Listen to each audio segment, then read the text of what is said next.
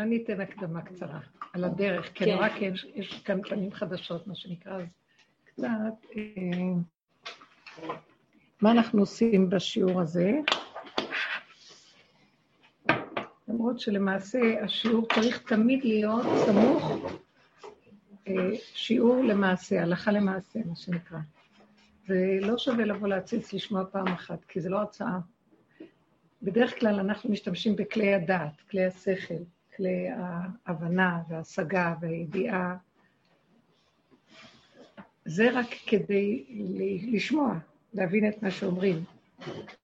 אבל התכלית של הדרך היא להביא אותנו למקום שנגלה שבין ההבנה לבין הקיום של הדברים 500 שנה הבדל. אין, אין, אין קשר בין הדברים ממש, זה מעניין. וקחו קצת דוגמה, תסתכלו קצת אחור, כל אחת עם עצמה, וזה ברור, שאתן קוראות משהו ויודעות, ואחר כך בשעת הניסיון, בעת ההתנסות, אה, אנחנו עומדים חסרי אונים, ולא יעלה על דעתנו שזה מה שקראנו, זה בעצם זה. רק לאחר מעשה את מסתובבת אחורה ואת אומרת, אוי, זה בעצם מה שהוא התכוון בספר. כי המבשרי, זה שם, זה השלמה של הנקודה. שם את יכולה לדעת. את צריכה את הידיעה, וידעת היום, והשבות אל לבביך. צריכה את ההשבה ללב. אבל אנחנו חיים בתרבות של וידעת, ומעריצים את הידיעה, מעריצים את ההשכלה, מעריצים את הלימוד, מעריצים את התארים וכל השקר הזה. אז צריך לדעת. אבל כמו שהראש קטן והגוף יותר גדול, ככה צריכה להיות הידיעה שלנו. ואצלנו הפוך. יש לנו ראש מונגול וגוף קטן. כאילו הרגליים בתוך הראש, ככה אנחנו חיים. במקום שהראש יהיה ברגליים. גלינו מארצנו ונתרחקנו מעל אדמתנו. זה בדיוק המצב שאני... אנחנו חיים עם המון הבנות והשגות ומחשבות, הרהורים, פרשנויות ומשמעויות, והתרגשות מהמשמעות, ואחר כך הפעולות שלנו כמו חמור שמושך אותו משהו, והוא רץ לכל הכיוונים, פרו בפיג'מה באמצע הלילה. ככה זה נראה, פעם פה, פעם פה, ולא יודע את עצמו, מאבד המון אנרגיה, המון, ובסוף תשוש, מתוסכל מחייו, מפעם לפעם לפעם, מדי פעם הוא מבקש נפשו למות, וכן הלאה וכן הלאה. וישרים דרכי השם. צדיקים ילכו בם ופושעים ייכשלו בם, מה הכוונה הצדיקים? צדיקים לא שמצדיקים את עצמם. צדיקים זה, זה סוג של אברהם אבינו. מי עיר ממזרח צדק? אברהם אבינו היה עליו השפעת כוכב צדק. אבל הוא היה איש שחיפש משפט, לעשות צדקה ומשפט. רדף את העניין של המשפט. כל הקיום בכדור הזה לא יכול להיות, לא, גילוי אלוקות. לא יכולה להיות גילוי אלוקות אם אין כאן משפט. צדקה ויושר. לא יכול להיות. עכשיו, אנחנו יכולים לקבל ספרים, יש לנו כאן עורכת דין, נכון? אני יודעת. יכולים לקבל ספרים על גבי ספרים של כללים ושל חוקים ודינים ומשפטים, וכשזה מגיע למעשה, אני לא יודעת אם יש כל כך קשר בין החוק לבין המציאות. והמשפט יוצא מעוקל. ואם אין, עכשיו, גם זה לא מספיק שיבוא איש מעשה ויגיד, אני, יש לי חוק, יש לי סדר, כי גם המעשה לבד, בלי הצד של החוק והסדר שלו, הוא גם יכול להיות עובד אדמה, כפרי. אבל אם אנחנו מחברים את השניים, זאת אומרת, יש לנו ידיעה ומשיבים אותה אל הלב, ביניהם יש את יסוד המשפט, מה שהתוצאה ביניהם. המשפט הוא קו האמצע, כמו שאנחנו רואים את השופט יושב, והסנגור וקטגור, ומה שיש באמצע זה הקו הישר, שמה יש גילוי אלוקות. על כן אומרים, אה, לב מלכים, המלכות נמצאת בקו האמצע, ושופטים ביד השם. כי השופט הוא קו האמצע, והמלך הוא קו האמצע, וגילוי האלוקות הוא רק בקו האמצע. בחצי הלילה השם יוצא ממצרים. מבין הקרובים הקול של השם יוצא. נכון? בקודש הקודשים, מאיפה משה היה נכנס והיה שומע כל מדבר אליו מבין הקרובים. ויש עוד הרבה שמראה לנו על קו האמצע, יש את הגילוי. עכשיו, למה אנחנו מדברים כאן? מה? כי נמאס לנו לחיות איך שאנחנו חיים פה בכדור הזה, כי אין כאן אלוקות. ואיש נתקל ברעהו, ואפילו שיש לנו תורה וחוקים ומצוות שזה אה, ברור שזה ניפוי גדול מאוד, עדיין, אם אנחנו לא שמים את הפנס בחורים ובסדקים של המידות שלנו, בזמן ההתנסות, אנחנו פשוט, אין תורה ואין כלום. כל מה שלמדנו, כל שאנחנו יודעים, האינטרסים, הנגיעות, השוחדים הפנימיים, גונבים את האדם. ברור שיש דברים שאנחנו אולי לא נעשה אותם, לא בגלל שהשם ציווה ואנחנו עושים מתוך הכנעה ואהבה לרצונו יתברך, זה בגלל שאנחנו מפחדים לחטוף. מפחדים פחד לא ידוע, ולא פירקנו את הפחד הזה, ולא הגענו למצב שבמקום יראת העונש, שהיא יראה טובה, אבל יש מעליה גם את יראת הרוממות. הרצון להתחבר לשכינה, לקשר האלוקי שקיים בתוך המציאות כאן, וזה רצונו יתברך שהוא ברא את העולם לכבודי, בראתי, עצרתי ועשיתי את עולמי, שהוא רוצה כאן גילוי. וכל עניין הזה שאנחנו כולנו מחכים למשיח, כי אנחנו עייפים בכל הגאולה שכל כך אנחנו מצפים לה, היא תלויה רק בזה. כי נצייר ציור שיתגלה כאן אלוקות, וזה אינו תלוי בשום דבר. הוא מרצונו יתברך, מה שהוא רוצה יעשה, מי תאמר, מי יאמר לו מה תעשה ומה תפעל. אם הוא מתגלה ואין לנו כלים מתאימים, זה בדיוק מה שיורד פה. האור שיורד, זה יורד כאן אור אלוקי. זה נהיה קורונה, זה נהיה מכות, זה נהיה שיגעונות הנפש, זה נהיה מחלות קשות, כי אין לנו כלים להכלת האור, וזכה נעשה לו סם חיים, לא, לא זכה נעשה לו סם המוות. זה בדיוק הנקודה. כמו פרשת סוטה, שהכהן משקה, שתי נשים באות אליו. אולי בזמנים שונים, התורה מספרת. אה, אחת שקלקלה, והשנייה שלו. ולא יודעים, חושדים בה. אז משקים אותה את אותו דבר, את אותה תרופה נותנים לשניהם. שם השם, כתוב על קלף בדיו, מחוק, שמים בכוס מים שהוא נמחק. שותים את המים. הפלא ופלא. זאת שקלקלה מתרסקת. זאת שלא קלקלה מתברכת. ונעשה לה מזה ברכה, שפע וכל הדברים, כל הברכות הכתובות בתורת משה. אז איך יכול להיות? אומר השם משמואל, אנחנו קשורים לפרשה הזאת, סדום, מה ששמענו בשבוע, שכשהמלאכים, שלושת המלאכים שהיו אצל אברהם הלכו לסדום, כל מלאך יש לו את השליחות שלו, אבל שלושתם הלכו ביחד, כאשר הם השקיפו, וישקיפו המלאכים על סדום, אז הוא אומר שהם הורידו עליה אור אלוקי, הכלים שלהם היו מזעזעים, מקולקלים ברמה שאין תקנה. האור הזה החריב אותם. אחר כך הייתה ריאקציה של יש וגופרית וכל הדברים, אבל שימו לב באיזה אופן נעשה השבירה הנוראה. עכשיו, נשים, עם כל מה שקורה היום, גם כן, זה כבר הרבה זמן, זה לא רק אה, מה שקורה, הקורונה זה מכת מחץ שאמרתי, אמרנו תמיד שאלה שעושים את העבודה בפנים, גורמים שירד האור הזה, האור של הכתר, האור של הגילוי. זה אור גבוה שרק בו יש אפשרות לגאול אותנו, שאינו תלוי בזכות ובחובה. זה אור הברית, מה שהשם קראת עם אברהם אבינו ברית, וברית בין הבתרים, שהוא אומר לו, בניגוד לכל מה שלו, כלום, כלום, לנצח, בריתי קשורה איתך ועם זרעך. שאפילו אם, כן, כמו שכתוב בתהילים, אני חושב שבע"ח, גם אם בנה, או פ"ט, אני לא זוכרת במדויק, גם אם בנה, על דוד המלך, גם אם הבנים שלו לא ילכו בדרכו, הוא יעניש אותם בשבט, ונגעתי בשבט פישם ונגעים עוונם, ובריתי לא אפר מאמו. כן? כי אחת נשבעתי. זה בדיוק מופיע גם אצל עניין של דוד המלך משיח. אה, כי הברית היא, היא מאור אחר, אז אור הכתר יורד ואנשים לא יכולים להכיל את זה. יש הרבה בעיות נפש, נוראיות, הכל דמיון. יש הרבה בעיות, אחר כך זה מחלחל לגוף, זה נהיה חולי בגוף. חרדות, פחדים, בהלות, לא יודעים מה לעשות. טוב, זו הייתה בחינה מעין הקדמה. הכלים שלנו לא מוכנים, אפילו ברור שהתורה מצילה ומגינה וכל הלימוד שלה וכל המשתדלים לקיים, אבל אנחנו, יש לנו תורה. אני זוכרת איזה סיפור שקראתי, שהחפץ חיים בזמנו היה אה, מתכנס בתוך ביתו לקראת הסוף, ולא מפסיק לבכות. ותלמידי הישיבה וכל רבניה מאוד נבהלו, מה, מה הסיפור שלו?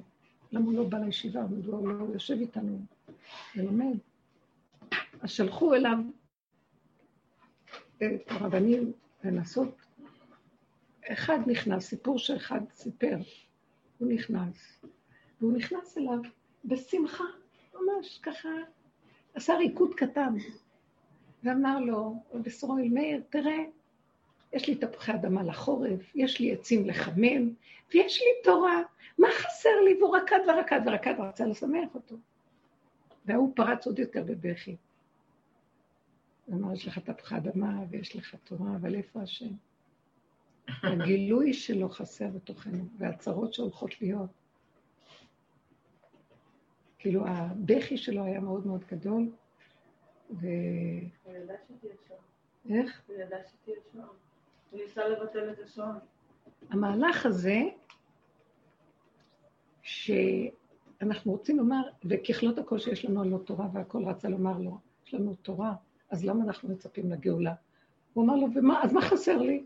נכון, אז למה אנחנו מצפים? כי גם התורה שיש בידינו היא לא שלמה. אנחנו לא מצליחים לרדת לעומקים שלה ברמות כאלה שהיא כמו בזמן התנאים שיכלו לפקוד עקרות ולהחיות מתים ולגרום ישועות פה. אנחנו תקועים, תקועים, כולם תקועים. מי מקשיב? גדולי תורה אומרים לסגור ישיבות, לפתוח ישיבות, וראשי ישיבות מפחדים לקבל קנסות. זה קורה? מה יכולים לעשות? להצדיק את זה וגם להצדיק. אבל זה לא, זה צריך להיות משהו אלוקי שיתגלה פה על הכדור, ויעורר לנו את המציאות של כמו שבמתן תורה. זה, זה נקרא גילוי התורה שהשם הוריד ברמה הזאת של נעשה ונשמע. אין בכלל עוררין, אין כלום. נמאס לנו כבר עם המוח, עם המחשבות, עם הספרים, עם הספריות והכול. זה טוב, זה גלות אבל. צריך להיות בתוך האדם כוח כזה, שהאלוקות, שכינה תתגלה בתוכו, והמצוקות שלו יראו כלא היו, כי אין כלום, אין מצוקות. אדם שיש לו תורה לא צריך להיות לו מצוקות, לא יכול להיות. לא יכול להיות. ועל זה אנחנו מחכים לגאולה, ככלות הכל, אז למה אנחנו מחכים? כי יש לנו את הבחינה וידעת היום, והבחינה של לרדת לעומקים ולתוך כל החורים והסדקים ולהודות באמת בפגם של עצמנו, אבל השנים אנחנו עד הסוף. וזו נקודה שהיא מכוסה מאיתנו, בגלל הגלויות, אנחנו מפחדים לרדת לשם. הדרך הזאת נותנת לנו כלים על לרדת. זו הייתה רק הקדמה להגיד. מה הדרך הזאת מדברת? הדרך הזאת אומרת שכשבאנו, כשאנחנו באים בזמן ניסיון, אנחנו צריכים להתבונן ולראות. למה אנחנו מבולבלים? למה אנחנו חסרי אונים? מה אנחנו כועסים? מדוע אנחנו מפחדים? אין לי פתרון לפחד, אין לי פתרון למצוקה, אבל התשובה קיימת. אני מודה שאני תקוע. אנחנו לא יודעים להודות שאנחנו תקועים. המוח של תודעת עץ הדת, שאנחנו חיים איתו כל השנים וכל הדורות, כל הזמן מחפש מוצא ופתרון. כל הזמן מחפש איך לצאת מהסבך. עד שדוד המלך הכיר ואמר, לזה השם קרא לו משיח צדקי, הוא אמר, בצר הרחבת לי, פרק ד' בתהילים. אני, יש לי מצוקה, אני לא יוצא ממנה, אני לא מחפש פתרון, אני לא בורח. נכון, האינסטינקט הראשוני זה לברוח ולחפש מצוקה. אני לא, לא, אני נמצא בתוך זה, אני עומד בתוך המצוקה, נושם עמוק ומעביר את זה אליך ואומר, רק אתה יכול לעזור לי, אני לא יכול לצאת משם, תתגלה בתוך המצוקה. בצר הרחבת לי. המיצר נשאר מיצר, ופתאום הוא קיבל רחבות בתוך המיצר. שימו לב לישועה הזאת. בעצם אנחנו מדומיינים שיש לנו בעיות. אנחנו מדומיינים שיש לנו מצוקות. אבל זה בפועל, אנחנו במצוקות. אבל זה הדמיון, הוא כל כך חזק עלינו. אם לא היינו בורחים באותו רגע איך לצאת, איך להתקיף את השני, להחזיר לו בחזרה, אה, להיכנס לחרדה ולנסות לקחת משהו, אה, לחפש איזה יועץ או פתרון. אין לאן ללכת, כל הדרכים ייסגרו והכל ייסתם, והבן אדם יצטרך להישאר בתוך המצוקה שלו, ולא יהיה לו לאן ללכת. הוא יכול למות שם, אם הוא לא ידע שהוא פשוט צריך והתבוננת על מקומו ואיננו. זה תרגיל, כי זה לא פשוט. הבן אדם הוא כל כך שם, בייחוד ככל שאנחנו לומדים, המוח שלנו מוחצן. וככל שאנחנו יותר לומדים להיכנס פנימה ולהכיל, לקבל, להשלים, להיכנע, להודות באמת. זאת האמת, אני תקוע, אני משוגע. למה? הוא מרגיל, אומר לי מילה, ישר אני מאוים. למה אני מאוים? כי אני חושב שאני קיים, כי אני מציאות. אז ההוא מערער לי את המציאות הדמיונית, התדמית העצמית שלי, שאני משהו. ואז אני אראה לו, אני אשיב מלחמה שרה, ואני אסלק אותו מהדרך על מנת שאני אשוב עוד פעם להיות עם תדמית, עם דמיון עצמי חיובי. וזה מה שתוקע אותנו, ואין לנו את הלב ואת החוזק הלב לעמוד בתוך המצב הזה, לצפצף על הכל ולהגיד, אני לא באתי פה רק כדי לראות את החיסרון שלי ולהודות בו, שאני תקוע, אבל לא, אני גם לא אשם. בהתחלה אנחנו מאוימים. טוב, אני כבר לא הולך אה, להתקיף את השני, אבל אני עצוב, למה אני כזה? אז אני מתבונן ואומר, גם להיות עצוב אני לא רוצה יותר, בגלל שזה אני כזה, כי ככה זה. במחקר, בהתבוננות עמוקה, אנחנו רואים, בספרים הקדושים כתוב שהקדוש ברוך הוא היה בורא עולמות במדרש. בורא עולמות הוא מש... מחריבן, שלא יכלו להתקיים. השברים של אותם עולמות שלא יכלו, זה הבסיס של הבריאה שלנו, של בריאת בראשית. אז הם לא יכלו להתקיים, אמרנו, נעשה אדם, והאדם הזה, צלם אלוקים, השכל של האור הגנוז, הוא יתקן את השברים הקודמים. כמו מחזור, הכדור הזה הוא מחזור מהבריאה שלנו. האדם הראשון גם נשבר, אמר לו, אל תאכל מעץ הדעת אכל. אז הוא אמר, טוב, אז עם ישראל יקבלו את מדרגת האדם, והם יהיו האור לאומות, והם יתקנו את העולם. אז עם ישראל אמר להם במתן תורה, התגלה עליהם, התגלה עלינו אור גדול מאוד, ואמר, אתם תהיו לי ממלכת כהנים וגוי קדוש, ואתם קרואים אדם, במקום אדם הראשון. נתן לנו תורה, הכל נשברה. לוחות נשברו, הראשונים. כל אדם הראשון לא הצליח, הדורות הראשונים לא הצליחו, האדם הראשון לא הצליח. עם ישראל לא הצליח, אנחנו בגלויות, אנחנו בגלות, מתמדת ומתמשכת, גם כשהיינו בארצנו, גלינו מארצנו כמה פעמים, לא מצליחים. דוד המלך הכיר בזאת, והוא אמר, חטאתי נגדי תמיד. אני הוא אמר בהתחלה, שיביתי השם בחנני ונשני, אני, והוא היה צדיק עצום, זה לא... ועם כל זה, השם אמר, האדם הזה, הוא התיקון לכל הסיפור. מה? אני, אני אביא עליו כאלה ניסיונות, שהוא יהיה חייב להגיד, אני לא יכול. ככה יעשו לנו לקראת הסוף. יביאו עלינו כל כך הרבה דברים, שטיפש האדם שלא מסתכל ומתבונן ואומר, רק רגע, זה כבר מוגזם. כל הנפש אני נותן לגידול הילדים. את עצמי מסרנו לבית היהודי ומה לא, ולכל המציאות של החיים וחסד ונתינה ועשייה, ואנחנו קורסים ומתים, ובצער, למה לא הלך לנו משהו? פשוט אי אפשר לתאר את גודל הרשעות של הישות, שזה בא לנו מורשה מתודעת עץ הדת שאכלנו. וייתם כאלוקים. אנחנו צריכים להידמות לאלוקות. וכל העניין שהקדוש ברוך הוא רוצה מהבן אדם זה, תודה. יום הכיפורים, זה השיא היום של העם היהודי. מודה ועוזב ירוחם. אבל מודה, תודה, אבל הבן אדם חייב לחקור ולהגיע לזה מבשרו כדי שההודעה שלו תהיה אמיתית. לא כי אמרו לו להגיד את הנוסח. הוא צריך, מתוך הכרה שזה כבר... חייבים להתבונן, להכיר, לחקור את הפנים הזה ולראות. זה תקוע פה, משוגע. את הנשמה, והבן אדם שהוא תקוע, מתוסכל, ממשיך לריב ולהתווכח, שובר את החיים. ולא מבין שהוא לא אמור בכלל, רק הוא אמור להיכנע, לשתוק. למה הוא בכלל לא עונה לשני? מה הוא רוצה? להוכיח שהוא צודק? אז צדק משמיים נשכח. אבל לא בשמיים היא, ולא מעבר לים, ולא בצר חוקה, אנחנו רוצים לחיות פה עלי אדמות. זה התכלית, הרמב"ם אומר, ימות המשיח. ימות המשיח, אין בין ימות המשיח לבין העולם הזה, רק אה, שיעבוד מלכויות. המידות הרעות של אומות העולם, שזה תודעת עץ הדת, ששולטים עלינו. זה הדוגמה. אבל עולם כמנהגו נוהג בימות המשיח. הכל כרגיל, רק מה? לא יהיה כל הבלבולים, לא יהיה סגנון החשיב, 70 אומות, 70 סוגי מחשבות. נורא, איך שאנחנו מושפעים ברמות נוראיות, כולם. כאשר מה שמוביל אותנו זה החיוביות, עכשיו הכדור מאוד חיובי, כי אנחנו מאוד חיוביים וטובים, וזה אף אחד לא עושה שום דבר טוב בלי שיש לו איזה אינטרס, או משהו רצון לקבל לעצמו, אם זה כבוד וגאווה וגדלות, ואם זה ממון, ואם זה תחושה טובה, ואם זה להעסיק את עצמו כי אם לא הוא ימות, אז שיודע האמת. לא. הוא בא גם לעולם הבא ואומר, פיתחו שערים ויבוא גוי קדוש ותנו לי, כן, ויראו לו ש... בסדר, ייתנו לו. תלוי, הכל תלוי במדרגת האדם. הוא מחפש אמת לאמיתה. זה לא אומר עכשיו שהוא לא יעשה חסד. זה אומר שכשהוא עושה, שיעשה קטן ואמיתי, ויגיד, ריבונו שלם, אה, לפי הסיבה. כי אנחנו לא רואים סיבות. אנחנו חיים במוח, והמוח מראה לנו, ואנחנו רצים אחריו. התנועה שלנו ככה, בגלל זה כל הזמן יש להם כאבי גב לאנשים.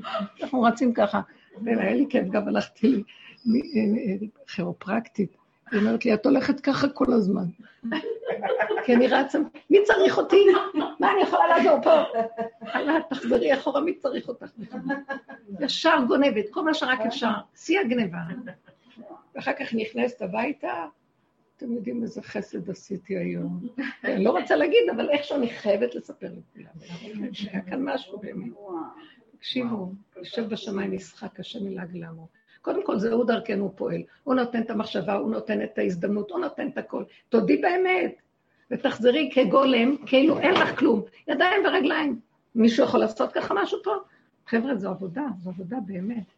אז ההתבוננות קודם כל להכיר, שישר בא לי איזה משהו, ישר אומרת, או, יופי, או, הנה. הרימו לך, פתחו לך, מנסים אותך, מה את רצה? מה את רצה? איפה מנסים? מישהו רוצה... מה? ומה מנסים? השם מנסה אותי לראות. אני ארוץ לרצות. אה. רוצים לרצות, זה העניין, לרצות הזה הוא בעוכרינו מאוד. כי אנחנו כל הזמן מרצים, מרצים, כלבים מרצים. למה הכלב נחשב הכי גרוע אה, בתורה? לכלב תשליכון אותו. כי הוא רץ לפני הבעלים. הוא רץ לפני הבעלים, וכל רגע מסובב את הראש. לבעלים, נכון אני מותק, נכון אני נאמן, נכון אני צדיק. זה הנקודה שלנו בדיוק, תסתכלו בטוב. המילה רוורס שהרבנית משתמשת בו מאוד עוזר. זה אחורה. אנחנו צריכים ללכת אחורה למעשה. לא. יש נעליים כאלה שהולכות קצת אחורה. הסוגיה שלהם. נכון, חדש. מבט לאחור. מבט. אמן. רבנית, אני מוצאת את עצמי עכשיו, בתקופה הזאת, הילדים שלי, חלק אה, הקטנים חזרו, וכמעט אה, ארבעה ילדים בבית, אוקיי? עכשיו, אה, כאילו הבת היא ממש מתוקה, אין לי בעיה שהיא תהיה בבית, אני גם נותנת לה את כל הזמן בבית.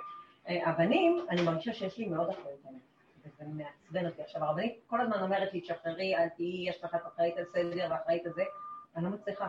עכשיו, מה שאני עשיתי שבוע שעבר, פשוט כל יום הלכתי מהבית, הלכתי לעבודה, יש לי, יכולה לעבוד, אבל עדיין אני חוזרת ויש לי, כאילו, אני אומרת, טוב, מה עשו לי עכשיו? כאילו ביטלו את החינוך הממסדי, כאילו המוסד, הממסדיות כאילו התפוצצה לנו, ות, ואני כאילו אמורה לעשות חינוך ביתי, אני לא יודעת מה אני אמורה לעשות עם הדבר הזה עכשיו, זה בנים, זה גמרות, זה משנה. עכשיו, אני כאילו, באיזשהו שלב הרגשתי שאני לא מצליחה להסתדר עם הסיפור הזה, כי זה מלחיץ אותי כל הזמן. אה, יש להם את המטלות שלהם, יש להם את זה, ויש לי אחד לפני בר מצווה שאני מרגישה שהוא צריך קצת משהו מעבר, וכאילו, כאילו פירקו את כל, כל הקטע של הסדר וה, והחינוך והדברים שכאילו נשענו עליהם. ולי זה קשה מאוד.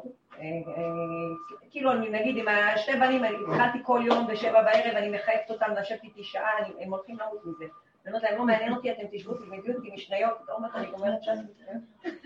אין לי ברירה, אני מרגישה שאני זה, אבל אני מרגישה שזה בא ממקום מאוד כוחני, אני לא מצליחה לשחרר את זה. לא מצליחה, אני כל פעם חוזרת כל שיעור על אותה שאלה, אני יודעת כמו שלא אבל אין לי ברירה, אני מרגישה שכאילו אני. תקועה. כי תראו, בדרך הטבע של העולם, בדרך שאנחנו חיים, אנחנו משתמשים בתודעת עץ הדת, תודעה חיצונית, ואין לה רק מה שעיניה רואות, אין לה הפנמה אל הלב, אין בלב, אין לנו לב. איך זה בהפטרה של בחוקותיי? אנוש הלב, העקוב הוא מכל. לא, עקוב הלב, אנוש הוא מכל. מי ידענו? כך אומר הנביא. הלב חולה, אין לנו לב. אנחנו כאילו, אנחנו כלב, כלב. אין לנו לב. אז מה יש לנו? אנחנו רואים משהו, גירוי תגוב- תגובה. מתרגשים, וישר המוח אומר, פתרון, נשב איתם. אני אגיד להם, אני אפעל איתם. אני, אבל יש עוד דבר שהיא עשתה, והיא למדה. עזבי, לכי לאחורייך. אז היא הולכת למקום לעשות דברים אחרים, הסחת הדעת, מה שנאמר. אבל דבר אחד לא עשית, השבה אל הלב. וזה העיקר והכלל. טוב, זה? צריך כוח עזר, כלי עזר. צאי החוצה, אל תשבי כעס, תצעקי עליהם. לכי. אבל כשאת הולכת, תתבונני בעצמך ותגידי, תראי איך אני כעוסה, אני מתוסכלת, אני מבולבלת, אני לא יכולה לסבול את מה שאני רואה. תודה שלא הוצאתי את זה החוצה, כי זה הדבר הכי גרוע. כשאנחנו מוציאים את ה... וזה יוצא לנו. טוב, יוצא, נפלנו, קמנו עוד פעם לשוב. היה עדיף שלא, אבל מי, מי, אין מלכתחילה, אצלנו הכל בדיעבד, זה רק נדמה שיש מלכתחילה. כי המלכתחילה הוא מסוכן, אז אני אומרת, או, אני יכולתי להתגבר. תמיד עדיף היסוד של הפגם. לא חייב שבפועל ניפול, אבל שנכיר באמת ונודה, אם לא היה השם מחזיק אותי עכשיו, אני הייתי מפוצצת את העולם. ההודעה הזאת מאוד מאוד חשובה. עכשיו, מה אנחנו רוצים בהתבוננות? ההתבוננות אומרת לי, תראי איך את נראית. ואז אני מתחילה לפתוח את השולחן ערוך, אני פותחת בית דין קטן, ואני אומרת לעצמי, אה, למה אני כל כך אה, כועסת עליהם? הם לא רוצים לקום. רפואיים, אני לא יכולה לסבול את זה. ואני עוד מצדיקה שאני, תראי, אני כמה הולכת עושה. אם הייתי הולכת פנימה יותר עמוק, הייתי אומרת לעצמי ככה, גם אני לא רוצה. איך? גם אני לא רוצה לקום. אני רוצה, זה הבעיה, זה לא, הכוח. לא, גם אם זה כל כך חשוב, את אז לא רוצה למה לשבת איתם באמת. אני מלאת כוח. הנקודה שלי איתם, שאני מרגישה, שאני יש לי פחד, כאילו אנחנו עושים סוג של עבודה, והם יכולים להגיע להפקרות, אם לא נעשה... אבל העבודה להגיד, לא בא לי ללמוד איתכם. לא בא לי זה לקרוא לשם. זה לא אפילו- זה לא אפילו מה להגיד להם. זה לא להשם, אבל לא בא לי עכשיו ללמוד אותו, בא לי לצטט אותו. אבל לא, למה את לא מעירה את כל הילדים של כל השכונה? לומדת אם זה כזה חשוב. כי זה את מולם. זה נכון. אבל זה ככה השם שם את זה, שאנחנו. יש לנו נגיעה יותר אישית. נגיעה, אז מה אז את הנגיעה? צריכה להגיד ככה. לא, אני כבר. לא מעירה אותם בבוקר הרבנית. מה שעשיתי, עצבנתי את בעלי, אמרתי לו, בבקשה, הם לא קמים בבוקר, אתה אחראי על להעיר אותם בבוקר, אני הולכת. אבל זה פתרון. זה יפה. ואין לי כוח. זה אני בסדר, לא- אבל אני רוצה ממך משהו נוסף, וזה מה שיעזור לך, זה כאילו לנגוע ביסוד הבסיס ה- היסודי, שמשם מתגלה משהו שיכול לסדר את העניין. זה לא פתרון של תודעת החיים פה, זה טיפול שורש. זה גילוי זאת השם. נקודה שאני רגע, רוצה שתעזרי לי בה, כי אותה נקודה. בדיוק. כאילו, יש לי גם מעין כעס על הממסדיות הזאת, כאילו, מה זה השטות הזאת? באמת, את רואה שאין הרי קו מחשבה נורמלי הזה. אז רגע, זה אותו דבר. זה אותו- הכוח הזה שכועס. הוא חיצוני, אז הוא כועס על הילדים, אחרי רגע הוא הולך, לא, אבל זה בעצם הממסד. לא, אבל המדינה המשוקמקת, וכל כל דבר ככה. בסופו של דבר, אבל רק אשמים אנחנו. מה אשמים אנחנו? שדבר אחד אנחנו לא עושים. אנחנו לא אמורים לחיות ככה. אנחנו אמורים, יש לנו מהות. כל אדם נולד ויש לו מהות בסיסית, ועליה יש תפקידים. קודם כל, אדם נולד תינוק, אין לו תפקיד, הוא, הוא תינוק עכשיו. יש לו איזו מהות פנימית, מה שמחיה אותו, מקיים אותו, שוכנת בקרבו כוח החיות האמיתית, שכינה. עכשיו, תודה רבה. והמקום הזה, המהות הזאת, אנחנו חייבים להיות כל הזמן מחוברים אליה. כאשר היא מוציאה ענפים, יש לי תפקיד של אישה, של אימא, של בת להורים, של חברה בחברה, או אני יודעת מה. ומאיפה יונק התפקיד את חיותו? מהמהות. אנחנו מנותקים מהמקום הזה, אנחנו מוחצנים, ויש לנו תפקידים, והתפקידים חייבים להתבצע, אז אני צריכה לגייס את העצבים ואת ההצדקות ואת כל מה ש... כאשר, כאשר בא משהו ומפריע לי, זה השם שולח את ההפרעה הזאת. ההנהגה האלוקית פה שחפצה לעורר אותנו להכיר, שהיא מחפשת אותנו. השם ברא את העולם לכבודו, ש, שנשתף אותו בקיומנו. התודעה שאנחנו חיים צילקה אותו מהמציאות. כשנתנו לנו את התורה במעמד הר סיני, התודעה הזאת הלכה, ונהיה חירות ממנה, וראינו שיש השגחה כל רגע, ואמרנו נעשה ונשמע, בשביל מה בכלל? לא צריך לחשוב אפילו. ואם צריך, אז הוא ייתן את החשיבה, יש מקום למחשבה. אבל זה לא שלי. מה שאנחנו עושים, עשינו את העולם שלנו מדי, הילדים שלנו, החיים שלנו, העולם. המציאות היא מדי שלנו כאשר אנחנו לא משתפים את הנקודה של היכולת, הגילוי האלוקי. יש תפקידים, גם התורה נותנת לנו תפקידים והכול, אבל הכל נגנב לתוך התודעה הזאת. יש לי תפקיד, אני רץ לעשות, אבל כתוב, למשל, הילד מצווה, הבן, הבת, מצווים לכבד הורים. התורה מצווה אותם, כבד את אביך ואת אביך. אבל להורה יש תפקיד בתוך הציווי, יש לו עבודה, מה שנקרא פסיבית, אבל היא קיימת. גדול המעשה יותר מן העושה. זאת אומרת, ההורה צריך להביא את הילד לכך שיכבד אותו. ואם לא, אז הילד לא יכבד. נכון שהילד הכולי עלמא, בכל מקרה צריך לכבד. אבל מסכן הילד, שאין לו את הכלים, וההורה יותר בוגר ממנו, שהוא מעמיד לו מכשול, וגורם לו להתחצף, כי ההורה לא רואה את הנקודות של עצמו. זה מה שאנחנו צריכים לראות. תיכנסו פנימה, רק פנימה. פחות ופחות להגיב, ויותר ויותר לשתוק ולהכיל, ולהתבונן ולהכיר. עד שמגיעים לדרגת הגולם, שזה השם מתגלה בתוכנו, ואחר כך הפרפר, מהגולם יוצא הפרפר. אנחנו בתפקיד הזחל. הזחל הוא זוחל. אנחנו זוחלים איתו אחורה, לפרק אותו, עד שהוא מתמוסס ומתחיל להיות גולם. משהו גבולי פשוט. זו המטרה שלנו, להגיע לבחינת גולמיות. גולמי ראו עיניך. שם אחר כך מתגלה, הנהגה, השגחה מדריכה אותי. מה זאת אומרת? קודם כל, אני לא, מילה שלי נשמעת. אני לא רוצה להיות חולה ולאבד את החיים פה בי, בשביל כל מה שזה בהצדקה, שזה תפקיד, מה אני אעשה? לא, לא, לא. השם רוצה שנעשה כאן דברים, אבל הדברים נעשים מעליהם כשיש גילוי שכינה באדם. וזה מה שאנחנו צריכים כל הזמן לחפש, ולא לסמוך על זה.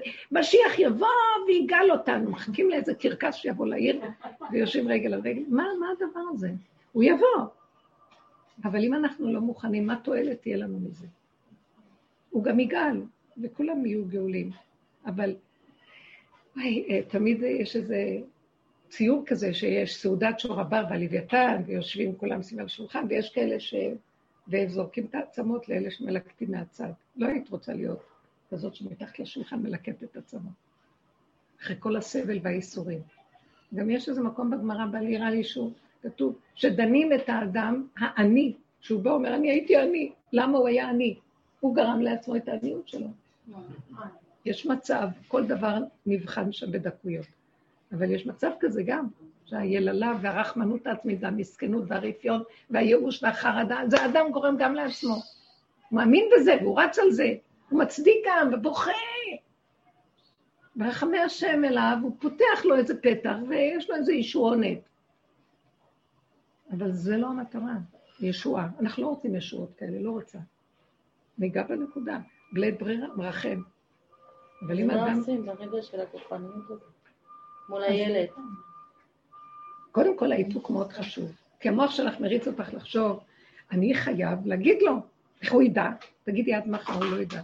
נראה לך שרוקנת עליו שק של מוסר, עשיתי את שלי, הלכת, למחרת זה חוזר שוב, איזה תסכול, הולכת לישון, אני מסודרת. אני סידרתי אותו, אמרתי לו. וכל הדבר הזה, בדרך שלנו אנחנו לא עובדים ככה בשום אופן.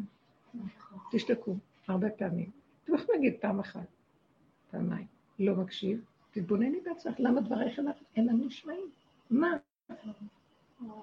בגלל שהילד רגיל לא להקשיב לך, כי הוא יודע שאת תנבחי עוד חמש פעמים. מה אכפת לו? כאילו גם יש, אני מרגישה שעדיין יש לי אחריות עליהם, אני חייבת ללמוד להוריד את זה ממני, מה אני אעשה? לא מצליחה לשחרר את זה. לא אכפת לי מהלימודים. תזרקי את האחריות עליו, זה מולך. אחורה, הוא נמצא אחורה.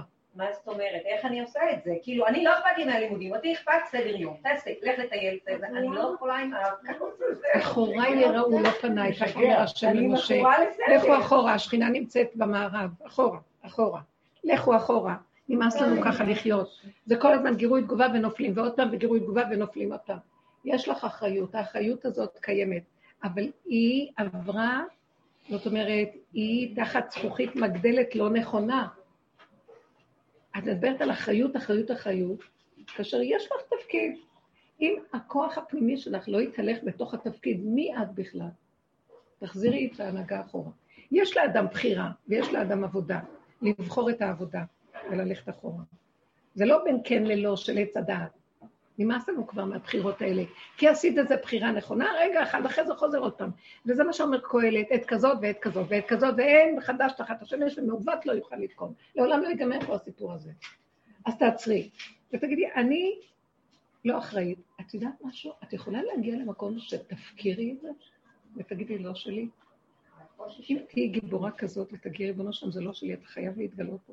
ככה, דיבור כזה פשוט. רק נשים יביאו את הגאולה. כן, כסילות, ורק אנחנו יכולות להגיד את זה. גברים אומרים, ככה לא מדברים, ככה מדברים.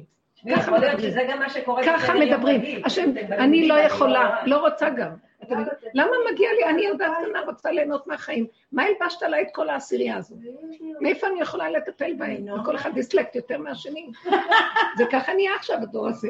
כל אחד מתגלה לו, ורוכבים עלינו עם כל הטיפולים האלה וכל ההוצאות האלה. מאיפה? מה? זה לא, אנחנו מפחדים מהם ומרצים אותם. מי הם בכלל? ומי כאן כולם? אני אומרת לו, ריבונו של עולם, זה לא צריך להיות ככה. לא יכול להיות. עוונותינו יטו כל אלה, ואנחנו גורמים את המצב, זהו. יש לא לי רוצים. צריך לקום ולהגיד לא. יש לי ילד שמאוד רצה רכיבה על סוסים, אוקיי? עכשיו הוא ילד חכם, אין לו שום, ברוך השם, אין לי איך לעשות לו רכיבה על סוסים. אמרו לי להביא אישור אה, רפואי. הלכתי לרופא, עכשיו, אה, אה, אני לא הולכת כלל לרופא, אבל אתה חייב אישור רפואי. עכשיו, אני לא סובלת את הרופא הזה, הוא רופא כזה שמשגע את המוח. אז הלכתי אליו ואמרתי לו, אני רוצה אישור של אה, סוסים. אז הוא אומר לי, מה יש לילד? אמרתי לו, אין לו שום דבר, אבל הוא צריך, תמיד, כל ילד צריך. קצת רגשי, קצת זה, עזוב, תשחרר, הוא...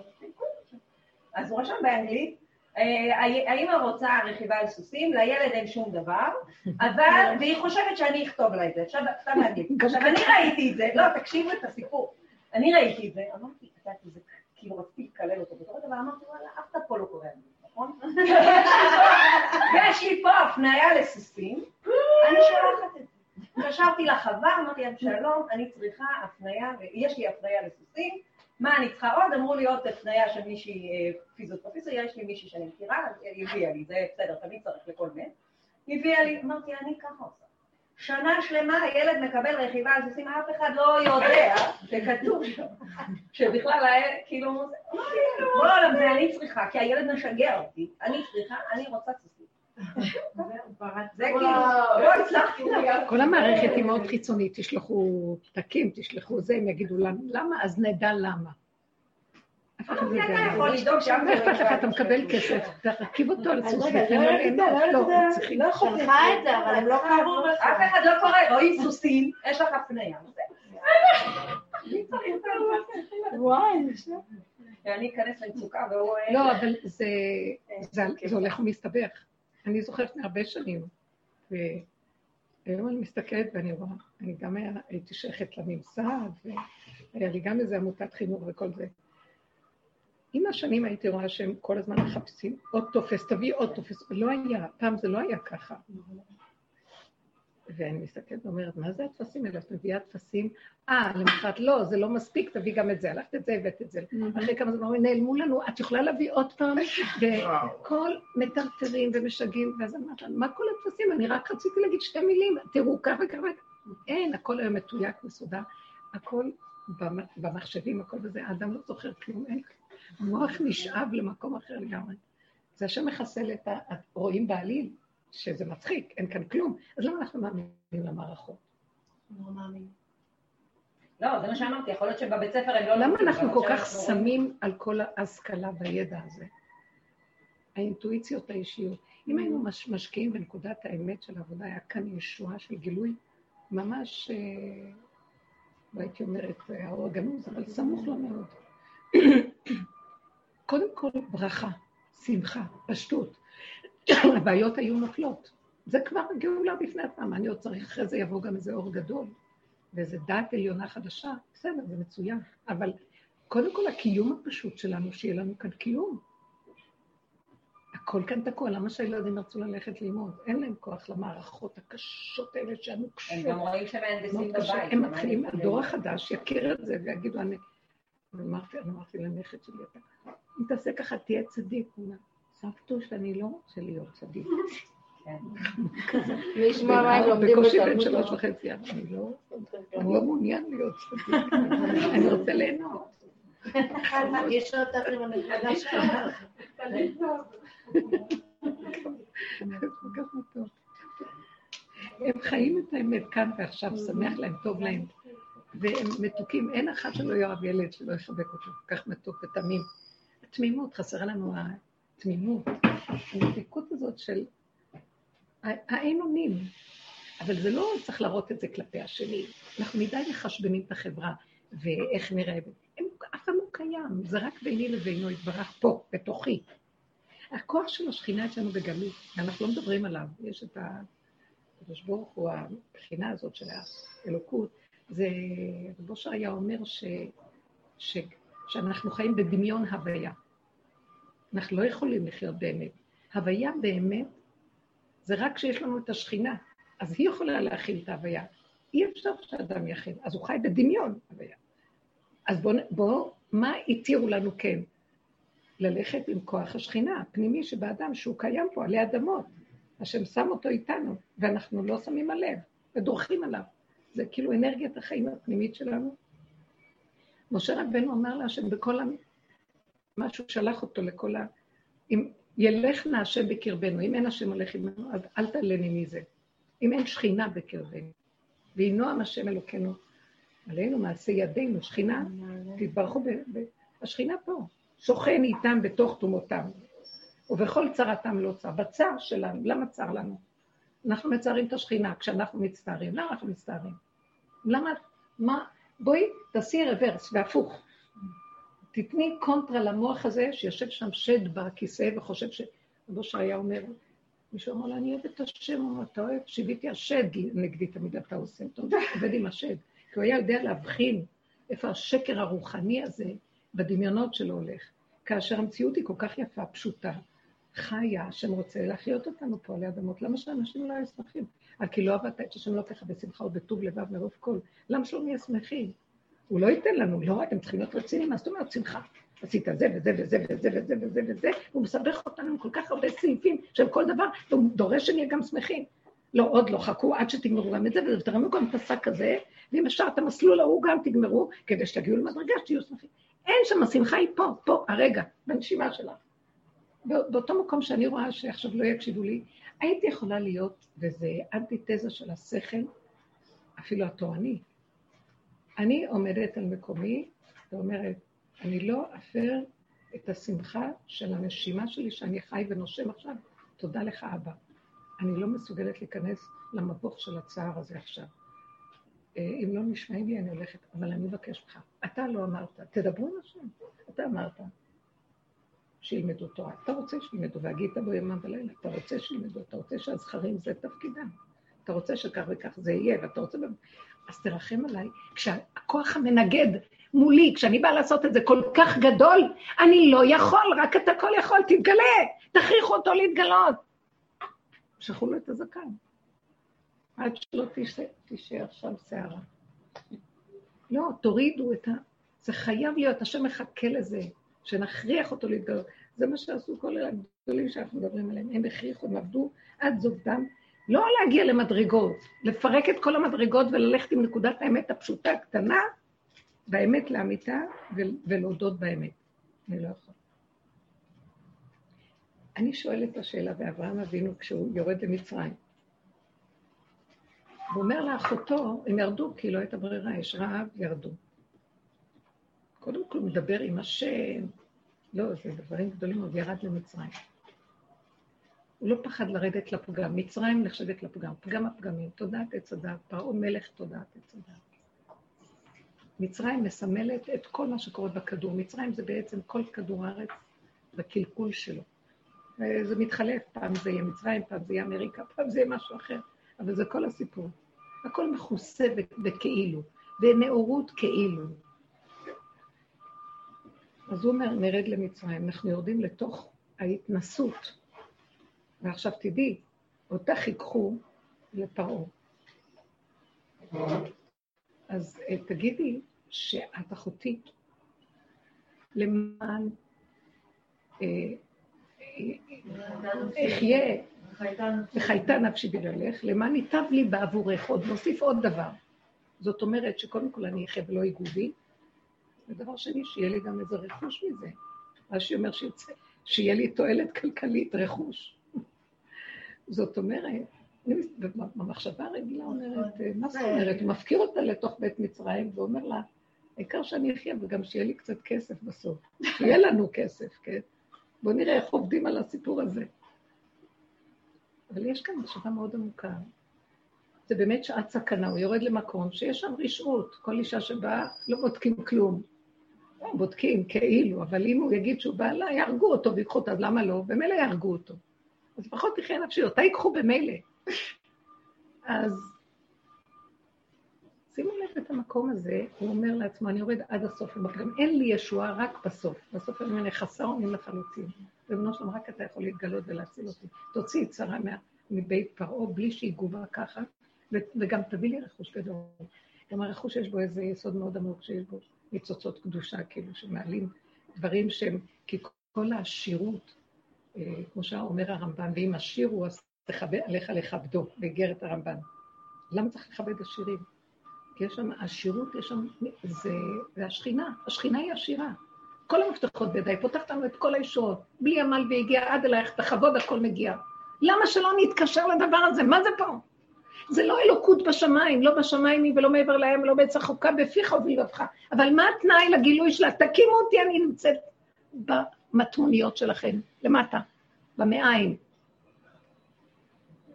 ואני נראה לי כתוב, אני חושבת שזה בספר, לא יודעת אם זה ביבמות, בגמרא, אה, שידע האדם או שיכיר, אני לא זוכרת את המילה, שקדוש שרוי בתוך מאיו. זה הבסיס. יש שם כוח, באמת היום מדברים, לא יודעת, המדע מדי פעם קופץ ואומר שיש מוח במעיים, נכון? שיש אינטליגנציה שלמה שיושבת על שכינה. יש הוויה, טבח שמונה, אז מי יכול בכלל להבין מה זה? זה דמיון, אסור לנו להיכנס ב... אבל כוח החיות שקיים פה בעולם הוא חלק אלוקא ממעל, כדוגמת, בואו ניקח את השמש, שזה שמש חזקה, גוף השמש, וניקח את הקרניים שיוצאות ממנה, על מנת להחיות פה את בני האדם על הכדור. מבחינה היא הכוח שנשלח מגוף השמש, מהשם יתברך, ויש כזאת אנלוגיה, כי לא יודעים מהו ויש אותה, אני לא יודעת, אבל אנחנו יכולים להכיל את הכוח הזה, והוא קיים בתוכנו. הוא מתהלך איתנו בתוך המידות, במידתיות הנכונה של כל דבר, כאשר אני בגבול, מהי המידה הנכונה? איך אני יודעת מה המידה? המדידה. מידה מלשון מדידה. מה המידה הנכונה של כל דבר? זה עובר מהממד של השמחה למצוקה, זהו. יפה, אז מה זה זה? זה, תדייקי, זה הגבול. רק בגבול אנחנו יודעים איפה המידה, שאת דחוקה. עכשיו, מה אדם עושה? תודעת עץ הדת, אירוח, אוויר, דמיון. זאת אומרת לו, תתרחב, תדחוף, בכוח. אם האדם היה קשוב לגבול, הבריאות שם, השפע שם, החיות שם, שאמר לעולמו די, מחזיר כל דבר לנקודה שלו. ושם הכל מסתדר. אנשים פוחדים להגיע למקום הזה, בורחים. אברהם אבינו אומר, נרד, נרד. אבל הם ידעו איך לרדת. השלימו, קיבלו. כי בן אדם יורד לחושך, הוא נבהל. לא הולך לו, הוא נבהל, הוא מאבד את העשתונות. לא, צריך להיות לב מוח חזק. שימו אותו אחורה, תסתכל. למה אני מבוהל? למה אני כועס עליהם? למה אני שונא? ואז אני רואה שאני מאוים ברמה כזאת, כמידת הכעס שיוצאת לי כך מידת המאוימות. כמידת הכעס, כך מידת הישות הדמיונית שחושבת שהיא מציאות. תמדדו לפי זה ותראו באותו רגע. לפעמים יש כעס עולם נוראי, זוועה, רק שלא יצא, ואם זה יוצא, אוי ואבוי, מחריב עולם. אז אם אנחנו עוצרים את זה, אתם יודעים מה זה לאפק? רבו שריה אומר, אה, איפוק אחד שווה אלף צומות. כך הוא היה אומר. איפוק אחד שווה אלף צומות. אנחנו צמים, עושים המון דברים גדולים. להתאפק באותו רגע, בכל דבר, כמה קשה.